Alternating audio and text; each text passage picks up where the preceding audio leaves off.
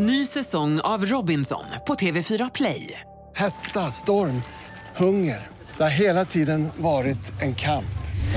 Nu är det blod och tårar. Fan händer just nu. Det. är Detta är inte okej. Robinson 2024, nu fucking kör vi!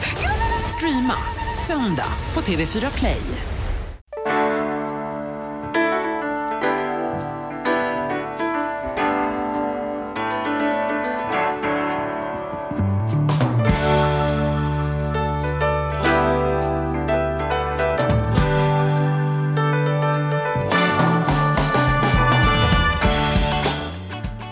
Hej och välkomna till Ekonomi på riktigt med Charlie och Mattias. Tack så mycket.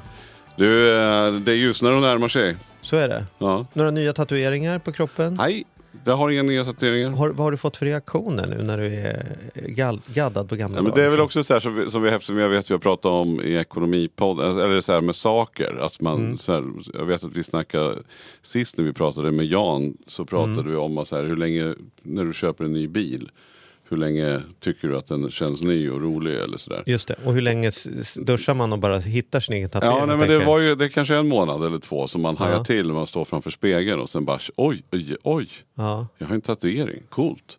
Och sen är det några som har kommenterat, jag har ju fortfarande flera vänner som jag har som jag inte har träffat som jag tror kommer Mm. reagera. Och då är det lite kul, för det blir alltid en liten kul diskussion kring det där.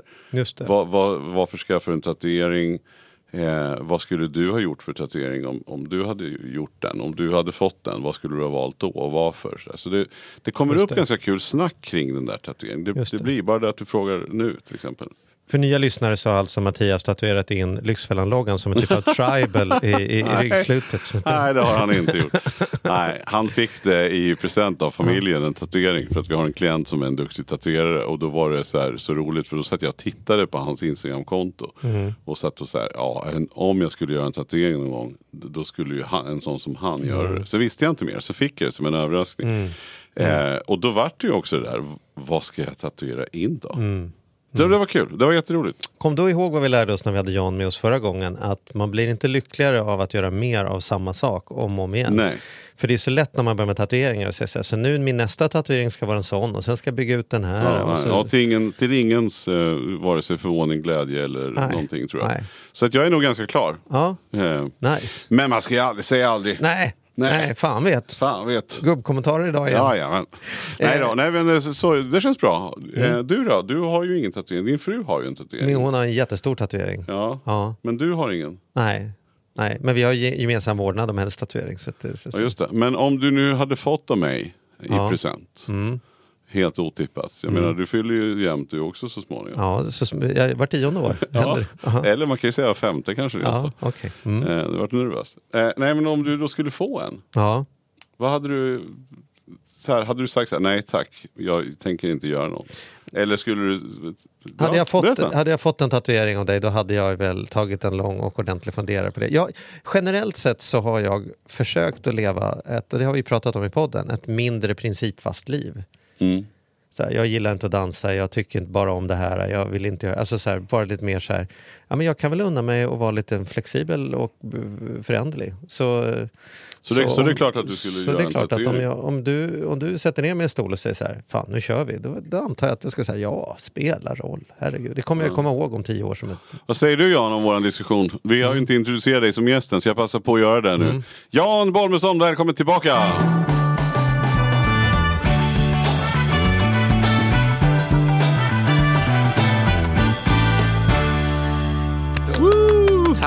Om du hade, om du Ja. hade fått en tatuering i, av Carro i födelsedagspresent, hade du, hade du, eller eh, Carro kanske är ett dåligt exempel, men för man kan ju vara lite sådär, men hade du fått den av, av mig och Mattias?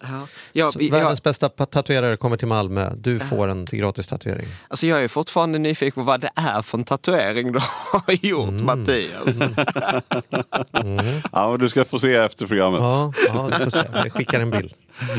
Jag, kan, jag kan skicka en bild. Nej men, ehm, ja, men vad, vad, hade du gjort den någon? Eh, jag vet inte. Jag vet inte. Jag har ingen tatuering, men då hade det fått vara någonting som betyder något för en, gissar jag.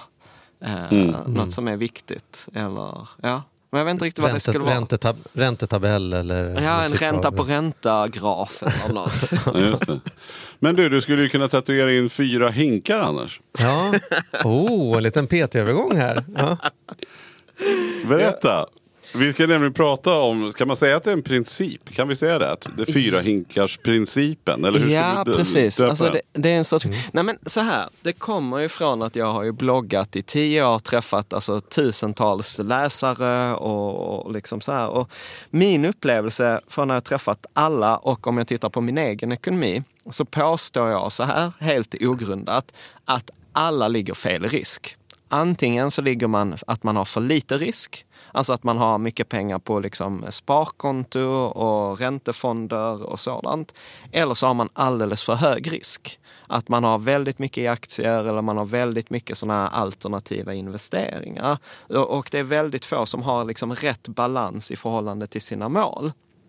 Men Eh, du, då och- måste vi börja här från början. Hur kan man ha eh, jag ställer en fråga som jag har svaret på, men, Mm. men för att alla ska med. Hur kan man ha för liten risk? För när jag åker skidor är det ingen som säger den här blåa backen, det är för liten risk för det. Alltså så här, var, varför det kan vara ett problem att man för Mm. Nej, hög men- risk förstår ju alla, men hur kan för liten risk vara ett problem? Precis, Nej, men om, vi, om vi tar det från är, är det, det slutgiltiga problemet kan bli samma, det vill säga att pengarna räcker inte till för det som de ska räcka till till. Till exempel om du har pension, tar du, liksom, vill du ha ett gott liv som pensionär, ja men då behöver ju pengarna förökas under liksom, den tiden du jobbar. Och har du för låg risk, ja då kommer de aldrig jobba ihop så mycket pengar så att du ska kunna gå i pension och ha ett drägligt liv som pensionär. Eh, Det är så- svårt att spara ihop till pensionen genom att liksom jobba, sätta undan, jobba, sätta undan. Utan de pengarna man sätter undan behöver också gå och jobba och skaffa nya pengar. Annars, är, annars blir det inte, annars blir det mer kattmat än champagne när man är klar. Liksom. Eh, Exakt. Och, och problemet blir ju samma om du tar för hög risk. Ja, då kanske när du är 63, ja då har du alla pengar som du behöver. Och sen så kommer det liksom en börskrasch på 50 procent. Och sen så kan du ändå inte gå i pension för pengarna räcker inte till. Så att både för låg och för hög risk leder till att du kan hamna i en situation att pengarna inte räcker till.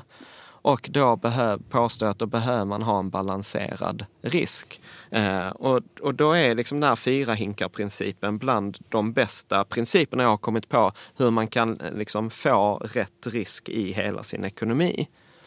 Det är ganska många tycker jag som pratar om att de har ingen risk därför de säger nej, jag vill inte hålla på att ta massa risk med mina pengar så att jag har dem på ett sparkonto liksom, eller de står där i väntan på att jag ska lista ut vad jag ska göra och då missar man att vi har en inflationsmål i Sverige på 2% så det är 2% per år i ren Ja. förlust. Ja. Om de inte åtminstone gör 2 så, så, vilket man inte gör på något sparkonto i stort sett, så Ja. då, då är det ju förlust varje år. Ja. Liksom. Jag, brukar ju, jag brukar ge folk en övning ibland på utbildningar där jag säger så här. Gissa om du hade fått en hundralapp i doppresent, alltså när du föddes. Hur mycket är den hundralappen värd idag? Alltså vad är köpkraften på den hundralappen? Och då brukar folk gissa allt möjligt. Och sen brukar jag säga så här, googla ekonomifakta räkna på inflation. Och då kan man nämligen få svaret. Och för till exempel en genoms, alltså för en 18-åring så brukar man säga att ungefär eh, en hundralapp i doppresent är bara värd typ 70 kronor när de tar studenten. Eh, och jag hade nu på en kurs för inte så länge sedan, det var någon som var född 1955. Då hade en hundralapp sjunkit till 5 kronor i värde. Alltså så här 95 procent av alla pengar. Så att, att ha pengarna på ett bankkonto brukar jag säga att det är ungefär det sämsta du kan göra för ett långsiktigt sparande. För liksom pengarna har så tråkigt på ett bankkonto att de dör av tristess. liksom, De dör av den här inflationen. Så därav den här fyra hinks-principen. Vi ska inte ha dem till att dö Nej. eh, av tristess, men de ska heller inte köra ihjäl sig i någon Formel 1-olycka. Här, liksom. Nej, precis. Eh, och, och då tänker jag liksom att, och detta är inte liksom min modell som jag har hittat på, utan det är en amerikansk eh, kvinna som hade en sån här trehinkar-portfölj. Men då tänkte jag, som sann ingenjör så måste man ju ta det och göra det lite bättre enligt sin egen Aha. uppfattning. Eh, så då tänker jag så här att den första hinken, det är den så kallade liksom så här bufferthinken. Alltså det är den som ska ha lägst, eh, lägst risk. Eh, och där, då, då kommer ju frågan, ska säga, vad är syftet med den första? Jo, den är att du ska kunna sova gott om natten, du ska känna dig trygg, du ska veta att du klarar liksom dig ekonomiskt. Och då kommer ju alltid frågan så här, så hur mycket pengar ska man ha i, i den här bufferthinken? Och kommer ni ihåg, vad, kommer ni ihåg vad Ann Wibble sa? Ja, hon sa ju att man skulle ha en årslön. Precis. Jo, precis. Ja. Och grejen är så att jag tycker det är bra. Det var politiskt självmord det. Ja, precis. Jag tycker att det är bra, men Mm. det var lite så här orealistiskt för de flesta. Eh, men, men då tänker jag så här, om man utgår från då ett års utgifter eller en årslön, men sen subtraherar man, alltså man tar bort alla garanterade inkomster som man har det året. Som till exempel är anställd och har tre, eh, tre eh, månaders uppsägningstid. Ja, då behöver jag inte ha 12 månader för att klara mig ett år, för jag vet ju att i tre månader så har jag i alla fall min lön. Eller hur? Så då kan man ta bort tre månader, då har vi nio kvar. Om jag sen har, är med till exempel i facket och har en inkomstförsäkring eh, så kanske inkomstförsäkring ge- ger ytterligare sex månader där jag får 90 procent av lönen. Ja, då kan jag plocka bort sex månader till. Och plötsligt så är jag kanske tillbaka där på kanske, ja men jag behöver en till tre månaders eh, utgifter. Och då har jag liksom min, min bufferthink. Är det, är det förståeligt? Ja, vi brukar, det, här har vi haft andra gäster och så har vi, den här frågan dykt upp väldigt mycket. Hur mycket ska man ha i buffert? Och då har ju vi landat i någon sån här, Ja, vårt eget månader. svar. Tre månaders utgifter. Ja. Eh, mer än så ska man inte ha och mindre än så ska man inte heller ha. Ja, liksom, precis. För att kunna säga det här är en trygg ekonomi. Liksom. Precis, så att vi hamnar på samma ställe. Vi kommer bara dit via en annan matte. Ja. Liksom. Så Ja. det, det är därför också det, det man brukar säga tre till fyra månader. Så det, Och vad har man bufferthinken då? Bufferthinken, då är det sparkonto med, insättnings, eh, sparkonto med insättningsgaranti. Eh, Gärna, alltså till exempel att har man då tre månadslöner, ja det är inte så himla mycket. Om, man, om jag nu skulle bli uppsagd så vet jag ju om det är tre månader i förväg. Så jag har ofta inga problem att man kanske tar ett sånt här eh, nischbank där man kanske låser pengarna på tre månader. Eller så. Men där ska vara insättningsgaranti, det är jätteviktigt. Eh, Så att det ska vara liksom låg risk. Syftet här är inte att tjäna pengar. Syftet är att sova gott om natten, ha en ekonomisk trygghet, veta att jag klarar mig.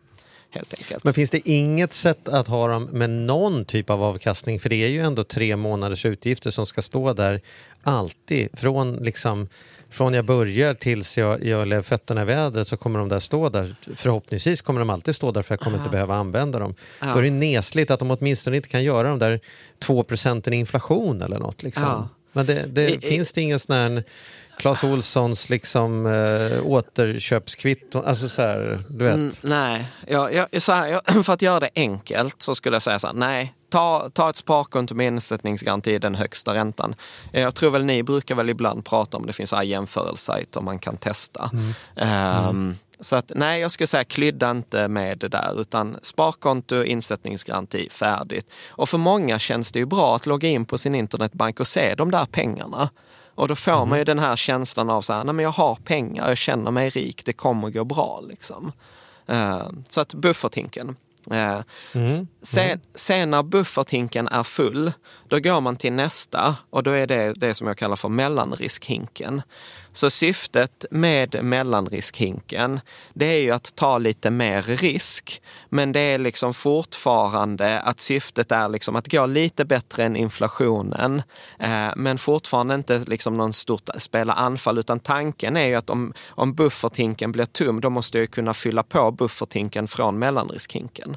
Är med? Så är bufferthinken full, då fyller jag på mellanriskhinken. Blir bufferthinken tom, ja då fyller jag på den från mellanriskhinken. Och vad är mellanrisk då? Det är ju inte så här pre-IPOs och Gud, eh, webb, Nej. webbvalutor och... Eh, Nej, men jag skulle är, är det ens enskilda aktier? Eller Nej, liksom? absolut inte.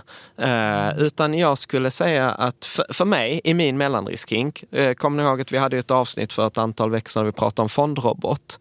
Eh, Så då har jag en fondrobot där jag till exempel har 50 aktier och 50% räntor. Så att alltså en medelrisk, alltså så här, tittar man så här riskskala 1 till 7, ja, då pratar man 3. Räntefonder skulle jag säga. Eh, majoritet, kanske lite aktiefonder. En lite kontroversiell sak här eh, brukar jag säga att, är att bostaden kommer in här faktiskt. Alltså att om jag har en bostad för 2 miljoner som jag har lån 1,2 på, då är det ju 800 000 som är mina av de där. Ja, men då sätter jag de 800 000 där också, som mentalt. Så där placerar jag boendet. Så har man, har man ett övervärde i sitt hus, då kan man räkna den som en mellan, mellanriskhink och inte behöva gå direkt på hink 3. Då kan Ja. jag säga nu har jag fyllt Ja. den med, Ja, med bovärde här. Ja, liksom. precis. Och för, för att eh, om, om vi bortser nu från de senaste åren där vi har haft en liksom värdeökning på fastigheter på 9% per år, vilket är liksom helt galet, så ska ju fastigheter till exempel, eller boende, ska ju utvecklas i linje med inflationen. Så tanken om, om eh, målet i bufferthinken är kanske ha 0 till 1 procents avkastning så är målet i mellanriskhinken att kanske ha 2 till 4 procents avkastning. Och det är ju rimligt för bostaden. Men då brukar jag ibland få, få frågan också så här, men Jan, jag kan ju inte använda pengarna i huset förrän jag säljer det. Och då brukar jag vara så här, ja, fast känner du människor som kanske har lånat på huset och köpt en bil? Så uppenbarligen kan man ju liksom belåna det där eller använda de eh, pengarna. Sen får man ju korrigera detta, men storleksmässigt brukar jag säga mellan tre till sju gånger så stor som eh, bufferthinken. Så att det ska vara ganska, my- ganska mycket pengar i, i den där mellanriskhinken. Tre till sju gånger Tre till sju gånger. Ja. Ja, bra, Och vad skönt att vi kan vara så här konkreta. Ja. De är, det är många ekonomer som inte vågar vara det. Vara så här, ja, det beror väldigt mycket på om man bor i Ja. hus eller om man... Ja. Mm. Nej, men vi, vi, kommer, vi kan prata om sen om humankapital som kan korrigera detta också. Den tredje, Ja. hin, den tredje hinken är då det som jag kallar för liksom den passiva hinken eller liksom högriskhinken. För då är tanken att har vi då bufferthinken och mellanriskhinken, då har vi ett bra försvar. Har vi ett bra försvar, då kan vi spela ett aggressivt anfall. Så i den passiva hinken, varför jag kallar den för passiv, är, är för att där ska vi ha liksom det här passiva sparandet som vi pratade också om i det här avsnittet med fondrobotar. Där jag kanske har 90 till 100 procent aktier. Så där tar jag väldigt hög risk. Och det kan jag unna mig för den kommer ju svänga mycket i värde. Men jag kommer förhoppningsvis ändå kunna sova lugnt om natten och inte ta freaka ut. För jag har ju min buffertrink och min mellanriskhink som inte alls svänger lika mycket. Så, att, så att när då mellanriskhinken är full, då fyller jag på den passiva hinken. När det, när, om mellanriskhinken blir tom, ja då fyller jag på från den passiva hinken till mellanriskhinken. Så att man liksom häller vatten liksom ner eller liksom eh, upp i, i det här. Och där är liksom ingen storleksgräns, utan den passiva hinken eh, gör man så mycket som möjligt. Eh, sp- sparar man. Eh, och sen den sista då, fjärde, det som jag brukar kalla för lekhinken. Där lägger man ju alla de där eh, högriskspekulationerna, enskilda aktier, alternativa investeringar, liksom kanske eget företag. Alltså så här högriskprojekt, sånt som man tycker är kul, men som man kanske liksom statistiskt inte kommer tjäna pengar på. Något Och- så här fikarummet som någon har tipsat om och sagt så här, Ja. här kommer vara värsta grejen. Så här, Ja, Den här men- hästen springer in pengar i helgen. Ja. precis. Eller liksom, ja men spe, alltså spekulationer. Och då brukar jag också säga så här, för att t- mellan tummen och pekfingret, max 10 procent av den passiva hinken i storlek. Så har jag 100 000 i den passiva hinken, ja, då lägger jag max 10 000 i lekhinken. För min upplevelse är att antingen när man träffar folk så är det väldigt mycket pengar på sparkonto i det bufferthinken eller väldigt mycket pengar i, den, i lekhinken. Och i lekhinken är ju sådana, all, allt som kan bli värt noll hamnar där. Alltså det är en, en investering, eh, liksom ett projekt, jag crowdfundar någonting, men det skulle i värsta fall kunna bli värt noll. Ändå ska det in i lekhinken. Men det här är ju väldigt svårt, tänker jag. Modellen är ju väldigt tydlig och enkel. Det är bara Ja. tack för det.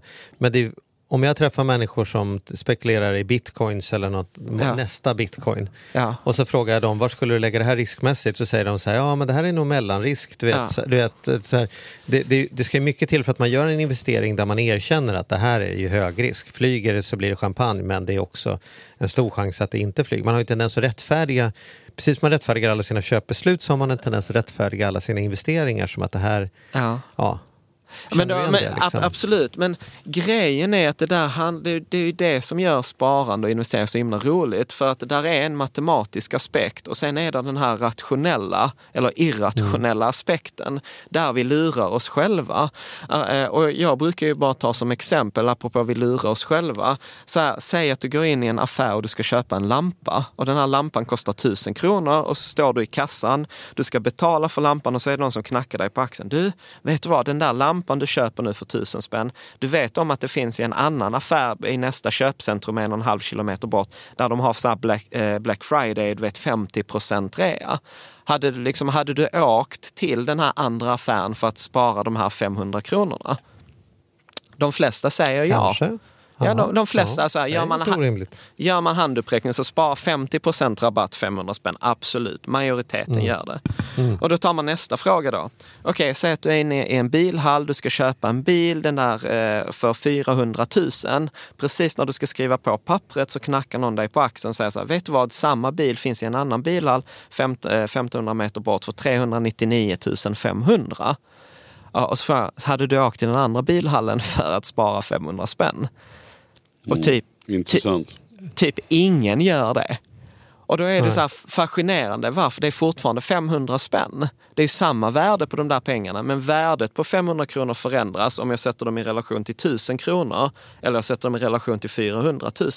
I det ena fallet mycket pengar, 500 av 1000, 500 av 400 000. Äh, jag kan lika gärna skita i det. Eh, Så att jag påstår ju så här, bitcoin och kryptovalutor, det är absolut leking. Alltså egentligen det enda som jag tycker kvalificerar i, i den passiva hinken, det är så här globala indexfonder till låga avgifter över en lång tidsperiod. Alltså det forskningen säger fungerar. Det är ju därför jag gillar ju de här fondrobotarna vi pratade om i ett tidigare avsnitt. Och de tycker du bor i hink 3, inte i hink 2 liksom. Nej, precis. Nej, men det beror på vad du har för inställning. Har du en har du en fondrobot med 50% aktier och 50 räntor, ja men då är det mellanrisk. En fondrobot med 100% aktier och inga räntor, då är det tredje hinken. Allt, annat, allt annat hamnar i lekhinken, om jag ska överdriva lite. Eh, och sen kan man ha åsikt om man tycker att det är hög risk eller inte, men tittar man på det statistiskt så är det hög risk. Och då, kommer, då, då är det så här, grattis till dig att du har fått den insikten. Liksom. Men om man inte har så mycket pengar och så tänker man så här, jag är trött på att sitta här och knega på jobbet, jag vill minst kunna gå i pension innan jag är 82 år gammal. Och så säger du sådana tråkiga saker som, nu ska jag först spara undan tre liksom, månaders utgifter i någon tråkhink här som bara kommer stå på kontot och sticka mig i ögonen innan jag får börja gå in i aktiespararnas liksom, eh, årliga tävling. Liksom så här, det är ju också en risk, precis som man kan bli trygghetssökande kan man ju bli så här, jag måste ju jobba i dubbelt tempo, herregud, jag har ju inte så mycket pengar från början. Det är lite orättvist det här att den som verkligen skulle behöva ta lite risk, säger du så här, nej gör inte det. För, Nej, men alltså- problemet är att ta den risken funkar inte. Det, det, det finns liksom inga bevis för att det där, det där fungerar. Utan eh, det är ju lite som golf. Alltså så här, ja visst, du kan ta hög risk, du kan lyckas med första slaget, andra slaget, tredje slaget. Men det, det är slutresultat som spelar roll. Och sabbar du det uppe på green genom att du tar tio puttar där, ja det spelar ingen roll att du gjorde ett sjukt bra utslag. Och det där händer ju förr eller senare när man tar hög risk. Det liksom kommer där. Så då påstår jag att i en sån situation är det bättre att skilja på det som är liksom att pengarna jobbar, det vi pratar om nu, att jag investerar pengarna. Alltså smart sparande är inte spännande. Punkt slut. Sen kan man fokusera på hur kan jag tjäna pengar på sånt jag tycker är kul och liksom utveckla min talangplan och, och så. Då skulle jag hellre till en sån person säga så här, fokusera på att tjäna mer pengar, men du kommer liksom inte tjäna det genom att ta högre risk med dina investeringar. Det är så här recipe for disaster. Förr eller senare. Jag tror, jag tror många som lyssnar har kanske sitter och tänker så här Ja, det här låter ju vettigt, men jag har en partner som gör det hemma och han verkar så himla, eller hon verkar så himla rattad och sitter och läser och fixar och trixar så att, eh, och kommer med jämna mellanrum och berättar nu har vi tjänat 4 000 på det här och nu gick den här upp 12 procent och grejer. Så här. Mm. Tycker du att man ska gå hem och säga så här, skärp dig gubbe, sätt dig ner, följ hinkarna för att det här kommer, bara för att du spelar Allan kan du lika gärna spela World of Warcraft istället. Liksom. Ja, jag skulle säga så här, detta är ju kontroversiellt, men där finns liksom, jag, jag tror att man behöver skilja på, sparar jag som hobby, för jag tycker att det är kul att följa företag och kunna pra, dela med mig av krigshistoria och läsa på om bolag och så här, eller sparar jag för att tjäna pengar? Det är två helt olika saker. Och det finns supermycket forskning på det här som visar så här, nej, det funkar inte att vara aktiv. Att, liksom, det är en myt som lever kvar i det där att när vi växer upp så lär vi oss att den som gör mest, engagerar sig mest, kan mest, bryr sig mest, loggar in flest gånger, det är den som kommer bli mest framgångsrik. Men det finns otal studier som visar att det är precis tvärtom i, i, i sparande. Sparande handlar om så här, gör rätt från början, vilket till exempel detta är vi pratar om. Och sen var oengagerad, var passiv, logga inte in, var lat, eh, liksom låt pengarna få jobba i fred och det är det som kommer göra dig framgångsrik. Vilket är helt ointuitivt, för jag vet inget annat område i livet som funkar på det sättet. Mm. Liksom. Men det, men, Hur ofta behöver du se över det? Alltså lekhinken är vi överens om, men om vi tänker den passiva hinken där det ändå ligger lite, lite högrisk. Eh, eh, hur ofta ska vi titta över dem där då? För det är jävligt tråkigt om man, eh, om man är så passiv där så att man bara känner att nu är det klart. Och sen går man in ett år senare och sen är det tomt. Ja, jag skulle säga så här att gör man detta rätt från början, du behöver inte göra någonting på tio år. Utan problem. Och tvärtom är det så eftersom börsen går mer upp än den går ner så är sannolikheten att ju färre gånger du loggar in eller ju längre tid det är mellan dina inloggningar, desto mer positivt överraskad kommer du bli för du har liksom räknat ihop fler positiva dagar. Eh, Jag vet, Mm. jag vet inte om detta är sant. Eh, återigen, detta är en sån här studie. Man liksom, man alltid man, när man är på nätet så kan man läsa så här, en studie visar. Men sen ibland hittar man inte den här ursprungsstudien och detta är ett sånt fall. Men då var det att Fidelity hade gjort en undersökning på vilka av deras kunder som var bäst, hade bäst avkastning. Och, och så försökte de segmentera dem och sen bara hittade de en kundgrupp som var så här överlägsen alla andra. typ. Eh, och sen så började de titta på det och så insåg de att det var de kunderna som var döda. Mm. Liksom, för att det var de som aldrig loggade in. Och pratar man med då till exempel Lysa som är en sån här fondrobot, ja de säger så här, vårt största problem är att vi har 23 000 kunder och vi har 16 000 inloggningar om dagen. Han säger så här, vad är det som folk loggar in och tittar efter? Du kan ju inte ens ändra någonting. Mm. Med. Och, och för det här, problemet här blir ju då att när det är svarta rubriker i tidningen och det står att nu, nu, nu blir det lågkonjunktur, då hoppar man av. Ja.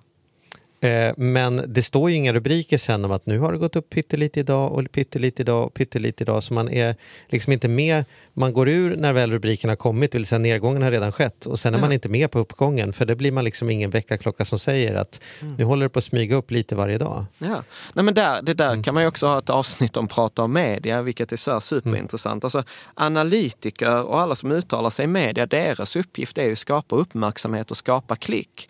Och ju mer kontroversiell du kan vara, desto mer klick får du, desto mer uppmärksamhet får du. Det är precis som du säger, det är ju ingen som kommer liksom bli känd eller få tidningsutrymme, medieutrymme på att säga så här att ja, men börsen kommer i genomsnitt gå 7% om året och den kommer röra sig i intervallet liksom minus 22 till plus 35 med 95 procent sannolikhet. Och idag så går den enligt plan och den går enligt plan och den går enligt plan. Liksom. Vi har alla sett de här svarta rubrikerna som säger börsras, nu har den backat 15 procent och sen så är det ingen som säger den har bara backat det den gick upp de senaste nio månaderna. Den är inte ens lägre vad den var när det året började. Liksom. Ja, ja, ja. Precis. Precis. Ja. Där finns ju massor så här exempel. Där finns ju en rolig eh, så här, fond. Ni, mellan 1977 och 1990 så hade Peter Lynch, om man- ni vet man har talat om han Marilyn Lynch, så är han då Lynch Ja. i det här Han är banken. det. Han hade en fond som hette Magellan eh, och den här fonden Magellan gjorde 29 procent om året per år mellan 1977 och 1990. Alltså det var så här 28 gånger pengarna. Så att investerar man 100 000 så var det 2,8 miljoner efter 13 år. Men när då Fidelity gjorde den här undersökningen så hade den genomsnittliga småspararen förlorat pengar i den här fonden. Och det där är en så här fascinerande grej man kan fundera på. Hur går det ens till när en småsparare förlorar pengar i världens bästa fond som under en 13-årsperiod gör 28 gånger pengarna, som det inte ens var någon hemlighet, för det var världens mest kända fond under den tidsperioden. Hur förlorar den genomsnittliga småspararen pengar? Liksom. De är inne och pillar. Ja, de köper liksom när det är dyrt, när det har liksom varit mycket medvetet. vet, fonden har gått upp 100 procent, du vet man hör grannen som har tjänat pengar. Och sen så när det har backat då 30, för den följer då med 35 procent tror jag 1987, eh, ja då sålde ju alla och sen missade man uppgången igen. Så att vi har, vi har alla lärt oss köp billigt, sälj dyrt, men vi gör precis eh, tvärtom. Vi köper dyrt och så säljer vi billigt. Så att det, men det är ju lite annan diskussion för det är ju detta aktiv versus passivt. Men, liksom, men jag tycker absolut att man ska applicera den på de här hinkarna och aktiv, ja men ha det som hobby aktiesparare, aktiesparande, men gör det i lekhinken. Och du får ju inte mindre lycka för, förhoppningsvis för att det är 10 000 än att det är 100 000. Du kan ju få samma kick. Liksom. Och lika mycket, sitter du här och inte är någon sugen på att hålla på och leka, betyder inte det att du inte gör de andra tre hinkarna då? Ja. Och skit i lekhinken, för många sätter ju inte igång för man tror att man behöver sitta där i fikarummet och liksom Ja. jämföra aktieaffärer. Liksom. Och jag skulle tvärtom säga så här, grattis till dig som inte tycker att det är så himla roligt med sparande och är oengagerad och vill liksom ägna tid åt familj och hobbys och andra grejer. För att med liksom all forskning visar att det är du som kommer vara vinnaren om du bara gör rätt från början. Liksom. Ja, superintressant. Ja, det här är spännande. Hink, Ja. Hinkarna. Ja. Eller, Precis. eller spännerna som jag säger, som envisas med att Ja, Just det, en spann, flera spänner. Ja, det är ju irriterande att kunna svenska språket. Som att säga en tema, flera temata och sånt där. Istället för teman. Nåväl, Ja, ja, fick du det sagt också. fick jag det sagt också. Fick Ja, jag du, mig. den där har du suttit och tänkt på gubb- sen vi började prata om de fyra hinkarna. Spännerna. Spännerna, ja. Ja, härligt. Du, eh, Är det någon koppling till spenarna? Nej, det är som hand i händerna, spann, spännerna. Det är så det funkar. Mm. Just man det. får säga spannar nu för tiden, de har lagt till det. Men man får säga dom och vad man vill i det här landet Det nu för här- tiden. Men det får man väl inte klaga på i det här jävla PK-landet. Är, är det inte nu ni ska säga så här, det var bättre förr? Ja, just det. Ju Ja, förr det är desto Charlie bättre. som tycker. Ju förr desto bättre. Så är det. Tillbaks med äppelknyckarbyxor. Det är Ja. min. Nej men superintressant Jan. Spännande. Du, det här får vi, det här får vi chans att återkomma till. Eh, Hink-grejen. Och att du kanske nu när man är lite så här, vi är inne i, i alla fall första kvartalet, att, att sätta sig ner hemma och göra en liten sån avstämning. Var står jag i hinkarna? Det vi redan har, skulle vi kunna lista ut och döpa det efter hinkmodellen och börja kanske konstatera var finns det luckor, var eh, är det överfyllt och, och göra en årlig omviktning kanske av hinkarna.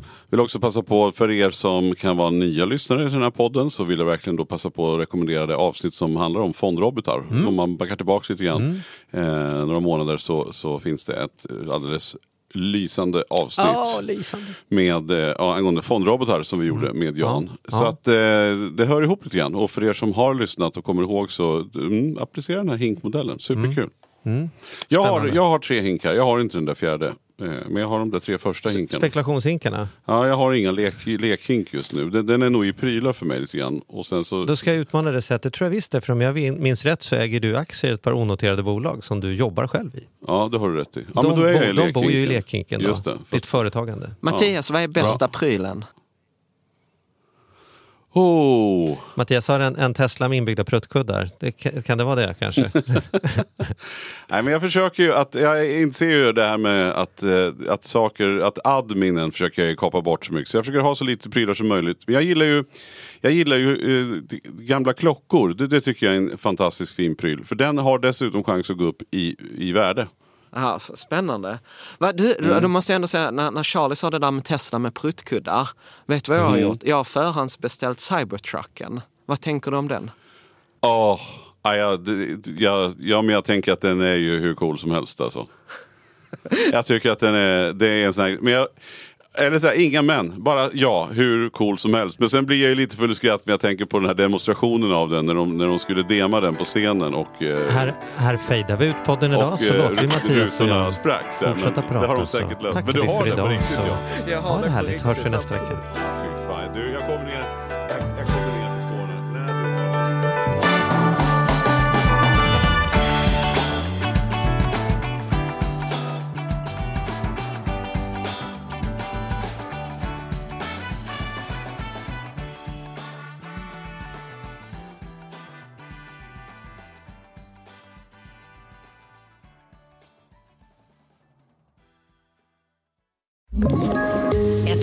poddtips från Podplay. I fallen jag aldrig glömmer djupdyker Hasse Aro i arbetet bakom några av Sveriges mest uppseendeväckande brottsutredningar. Går vi in med hemlig telefonavlyssning och, och då upplever vi att vi får en total förändring av hans beteende. Vad är det som händer nu? Vem är det som läcker? Och så säger han att jag är kriminell, jag har varit kriminell i hela mitt liv men att mörda ett barn, där går min gräns. Nya säsongen av Fallen jag aldrig glömmer på Podplay.